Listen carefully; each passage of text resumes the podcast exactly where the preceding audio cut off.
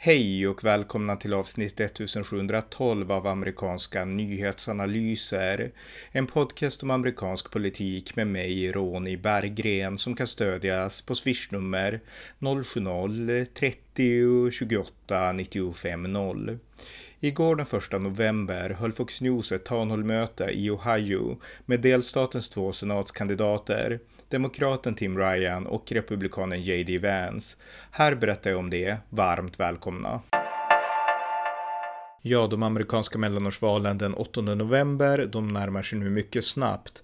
Och ett spännande senatsrace att hålla ögonen på i spaning om vilket parti som kommer att kontrollera senaten efter valdagen.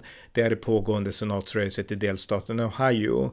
Där så kommer den republikanska senatorn Rob Portman att gå i pension och det innebär att två helt nya kandidater fightas nu om vem som ska ta över Rob Portmans senatsplats. Och eh, de två kandidaterna är republikanen J.D. Vance, en riskkapitalist som eh, Eh, har gjort en ganska snabb politisk karriär. Han blev nationellt känd 2016 när han skrev en bok om medelklassen i Ohio och sen fick han vara med på olika ja, radiokanaler, tv-kanaler och kommentera politik. Han ställde upp som Republikanernas kandidat. Han har fått ekonomiskt stöd av eh, multimiljardären eh, Peter Thiel och eh, han har också fått ett endorsement av Donald Trump och eh, han är Republikanernas kandidat. Demokraternas kandidat, det är kongressmannen Tim Ryan som har suttit i kongressen sedan 2003 och som också ställde upp i presidentvalet i det demokratiska primärvalet där 2019-2020. Så att republikanen J.D. Vance och demokraten Tim Ryan fightas mot varandra. Och jag nämnde ju lite om det här racet i poddavsnitt 1686 från den 13 oktober i år. Men eh, igår i alla fall så höll eh, Fox News ett townhall-möte med de här två kandidaterna, inte mellan, det var inte en debatt där de stod ansikte mot ansikte, utan det var enskilda separata samtal med kandidaterna. Och eftersom det var ett townhall-möte så ställdes frågorna av eh, Eh, publiken, alltså medborgare i Ohio. Eh, de höll till i Columbus, Ohio och moderatorerna Eh, det var Martha McCallum och Brett Byer från Fox News då. Och eh, de inledde med att fråga ut eh, demokraten Tim Ryan, demokraternas senatskandidat. Och det första frågan han fick, det var frågan om hur han skulle hantera inflationen, eller hur han tyckte att USA skulle hantera inflationen. Och Tim Ryan då, han sa att det behövs skattesänkningar för att hjälpa människor konkret här och nu, så att människor får mer pengar i sina plånböcker så att de kan betala räkningar och eh, klara sig igenom den här ekonomiska krisen helt enkelt. Skattesänkningar. Men sen måste man också få, få igång gasproduktionen. I delstater som Ohio så kan man ju ägna sig åt fracking och utvinna naturgas och liknande. Och det måste man göra, förklarade Tim Ryan. Och sen på sikt så måste man också övergå såklart till att använda mer el via solpaneler, grön energi och så vidare, sa Tim Ryan då. Och eh, för att det här ska kunna göras så måste man streamlina, samordna myndigheter bättre, förklarade han. Och eh, det här var en intressant townhall därför att efter att eh, ja, när publiken hade fått ställa en fråga och kandidaten hade fått svara så kom Fox News programvärdar med en kritisk motfråga och sa att du har ju förespråkat ett förbud mot fracking, Tim Ryan. Hur, hur ser du på det? Och Fox News, jag vill bara påminna om det för alla som lyssnar, är USAs absolut bästa tv-kanal när det gäller att anordna både debatter och town hall. De har den perfekta balansen. De politiserar inte och de liksom överslätar inte utan de är sakliga, korrekta, professionella och ställer liksom samtidigt konfrontativa hårda frågor på ett eh, eh, ja, men på ett trevligt och anständigt sätt. Så att Fox News är suveräna när det gäller att anordna både debatter och townhalls och den här eh, townhallen som hölls, den visade verkligen det, för de kunde ställa de här spetsiga frågorna. Det var, var inte bara en fråga och sen fick Eh, Eh, kandidaten då liksom slänga ut sina talking points och sitt standardsvar, utan han fick en kraftig motfråga efter varje fråga och efter varje svar han hade gett från moderatorerna då. Och det tyckte jag var väldigt bra upplägg och det, det kännetecknade hela den här town hall tillställningen då.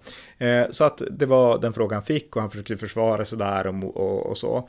Eh, sen kom de in på frågan om brottslighet, för det sa att ekonomin, brottslighet, det ligger högt upp på väljarna i Ohio och eh, Tim Ryan, han ansåg att brottslighet brottsligheten måste tas på allvar, behövdes bättre poliser, fler poliser, bättre polislöner, eh, bättre polisutbildningar och man måste fund the polis, säger den. Alltså inte defund, utan fund the polis. Och så. Men sen kommer man också lite försiktigt, inte så här tydligt och hårt som vissa kandidater kan göra i mer liberala delstater. Men han sa också att vi måste klura ut hur brottslingarna får tag på sina vapen. Och det var ju lite underförstått att säga att han ville ha hårdare vapenlagar, även om han inte var helt uttrycklig med det. Eh, han pratar också om eh, ja, han fick också motfrågor där de sa att du har ju ändå förespråkat, moderatorerna då pushade på att, att man ska avsluta cash bail, alltså att man måste betala en borgen för att komma, få komma ut ur, ur häktet och eh, att han vill släppa ut våldsamma personer ur fängelset. Och han betonade, eh, han svarade egentligen bara på det andra, att när det gäller att släppa ut personer från fängelser så handlar det om de som sitter fast för Mariana-relaterade saker. Alltså man ska inte sätta de som använt Mariana i fängelse. Det, det var bara det han menade, sa han. Eh, sen kom de också in på, in på, frågan om aborter, som såklart är aktuellt. Och eh, Tim Ryan förklarade tydligt att han är för Roe v. Wade. Nu är det borta, men han är ändå för det. Och han tycker att det här med att lägga sig i hur kvinnor ska förhålla sig till frågan om abort, det är att gå helt över gränsen och han fattar inte hur just republikanerna som alltid betonar individuell frihet kan göra så. Och här är ett klipp där demokraten Tim Ryan säger vad han tycker om aborter. My, the point is, this is America. This is a country built on freedom. right? And this is the largest governmental overreach into the private lives of individual citizens in the history of our lifetime. And and look, you have I, I, you know, I, th- I thought my friends on the other side were like against big government, against invasion into the private lives of people. This is the largest thing ever. It completely steals personal freedom and liberty away from women. I think it's anti American, and I think we need to go back and just codify Roe v. Wade as it was, and let's all move on with our lives. We're going to move on. Därefter så kom de också in på att eh, Tim Ryan har varit väldigt hård mot den republikanska Donald Trump, MAGA, Make America Great Again-rörelsen och han har sagt att, eller skrivit kill and confront, har han skrivit i förhållande till dem. Och det kan ju låta som väldigt uppviglande och väldigt hatiskt mot Trump-republikaner och han fick ju möjlighet att kommentera det också. I will say that um, this extremist movement absolutely needs to be confronted. I think, well, to kill the movement, and maybe that wasn't a great choice of words, absolutely confront and absolutely stop the extremist movement happening. And we just saw, and as I was watching the previous show on Fox, what happened to Paul Pelosi, I think is an absolute tragedy. Dream J.D. Vance situation. said nothing about this. When you say that the MAGA movement should be killed and confronted, who's in that category? The guys who stormed the Capitol on January 6th, they were trying to stop the peaceful transition of the government. What else were they doing there? They're going to kill Mike Pence, right? They want to kill Nancy Pelosi. Now somebody's beating up Nancy Pelosi's husband with a hammer. J.D. Vance raised money for the insurrectionists. He made several social media posts to raise money for them. Now, again, I don't care what your politics are, but Americans should say no. We have to say no to that. Samtalet fortsatte och han fick också ge sin syn på gränspolitik. Han förklarade att fentanylmissbruket och alla de här illegala drogerna som kommer från Kina och flödar över gränsen, det är ett problem, det måste hanteras. Och eh, hela USA har ju stora drogproblem, så det var också någonting som han ägnade en del tid åt att prata åt Tim Ryan. Och eh, därefter då så vart det J.D. Vance tur att komma in på estraden, sätta sig på stolen och eh, motta sina frågor. Och eh, den första frågan han fick, den handlade också om ekonomin i viss mån. Han fick frågan hur man skulle göra för att hålla medicinkostnaderna nere i USA, för att nu vart det ju mycket dyrare med inflationen och sådär och hur skulle man göra för att eh, inte behöva välja mellan att köpa mat och att köpa mediciner. Och han förklarade att man måste bekämpa inflationen och republikanernas kommer, politik kommer att, att göra det, medan Bidens politik den gör bara inflationen värre och då blir saker dyrare och sådär. Eh, han kom också in på gränssäkerheten och eh, när man pratar om gränsen nu, alltså speciellt i de här delstaterna längre norrut, då pratar man kanske inte i första hand om alla eh, gängen, att gängen specifikt kommer in och att det ökar brottsligheten i närområdena. Sånt är det mer prat om i södern där de flesta illegala ändå stannar och finns. Utan det som man kan märka i delstater som Ohio, det är att Eh, drogerna ökar därför att en öppen gräns gör ett, att drogtillflödet blir större. Och nu är det speciellt då den här drogen fentanyl som har orsakat enorma, enormt lidande och enorma problem för väldigt många amerikaner. Och det märker man i stora delar av USA, alltså inte bara i gränsdelstaterna. Och han betonade en säker gräns och J.D. Vance har stöd av Donald Trump och han stöder själv Donald Trump och han sa helt enkelt att vi måste få gränsen att funka. Här är ett klipp. Every single stop that we make, I meet somebody who's lost a son, a grandson, a daughter, a granddaughter to the opioid problem.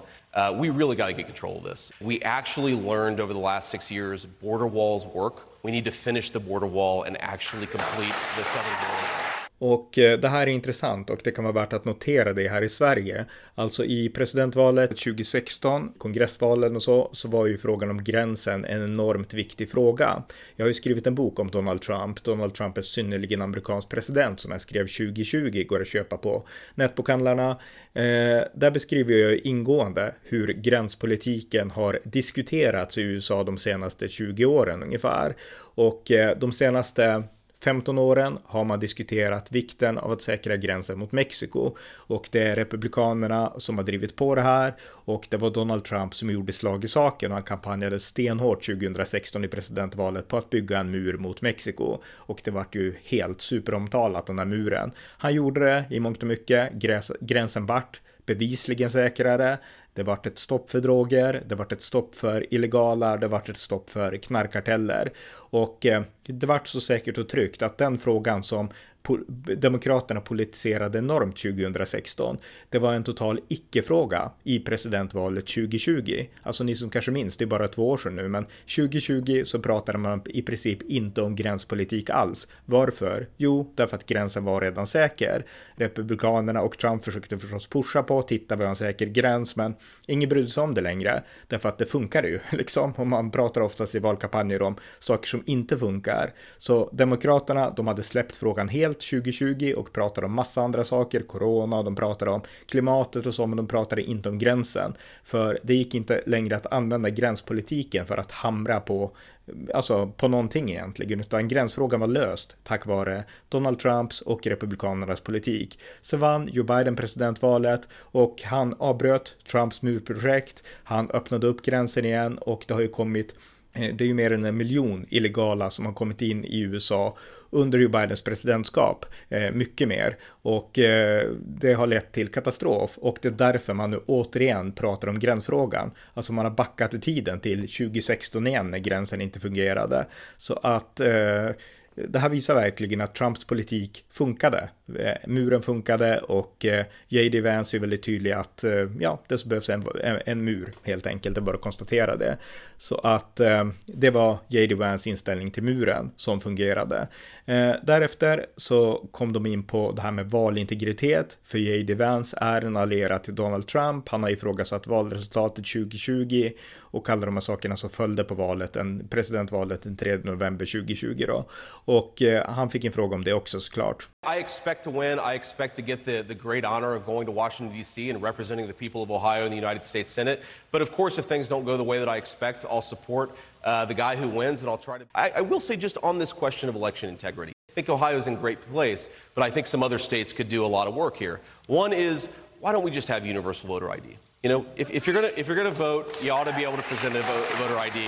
And, and and and I think that there are some common sense things that we can do to make our elections more secure, to make sure the world's greatest constitutional republic stays that way. And I think that advocating those common sense measures does not mean, as some folks in the media say, that you're somehow an election denier. I just want our elections to be as good as they possibly can be.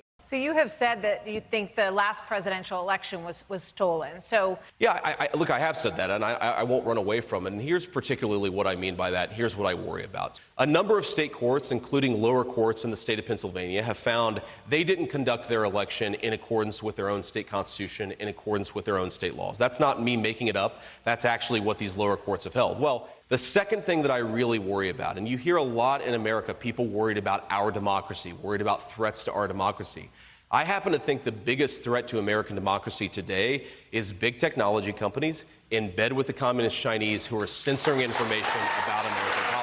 Därefter så fortsatte de och en annan het fråga som även J.D. Vance fick svara på, det var hans syn på aborter och han förklarade då att han var pro-life och han ansåg att i 90% av fallen så ska abortpolitiken bestämmas av delstaterna, men han stödde ändå det här förslaget som bollas i kongressen av från republikanernas sida om att sätta en federal lag som eh, sätter abortgränsen vid, jag tror att det är 15 veckor eller vad det var, liksom att efter det så får man inte lättvindigt göra aborter om det inte finns ja, medicinska undantag och alltså våldtäkter och incest och sådana saker.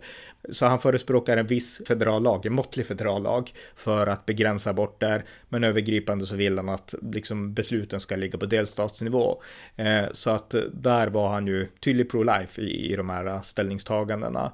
Eh, de fortsatte att prata, de pratade om utbildning, lärare, det är också en viktig fråga, utbildningar i många amerikanska delstater.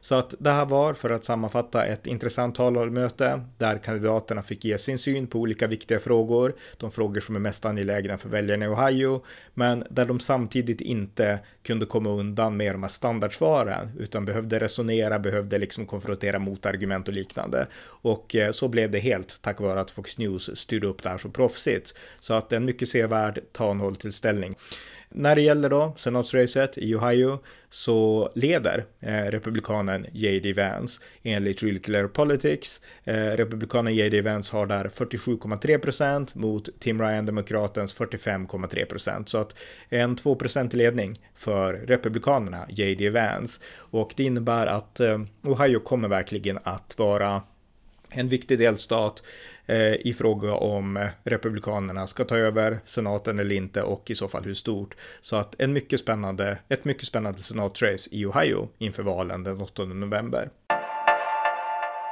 Ni har lyssnat till amerikanska nyhetsanalyser, en podcast som kan stödjas på swishnummer 070-30 28 95 0 eller via hemsidan usapool.blogspot.com på Paypal, Patreon eller bankkonto. Skänk också gärna en slant till valfri Ukraina-hjälp. Tack för att ni lyssnar på amerikanska nyhetsanalyser.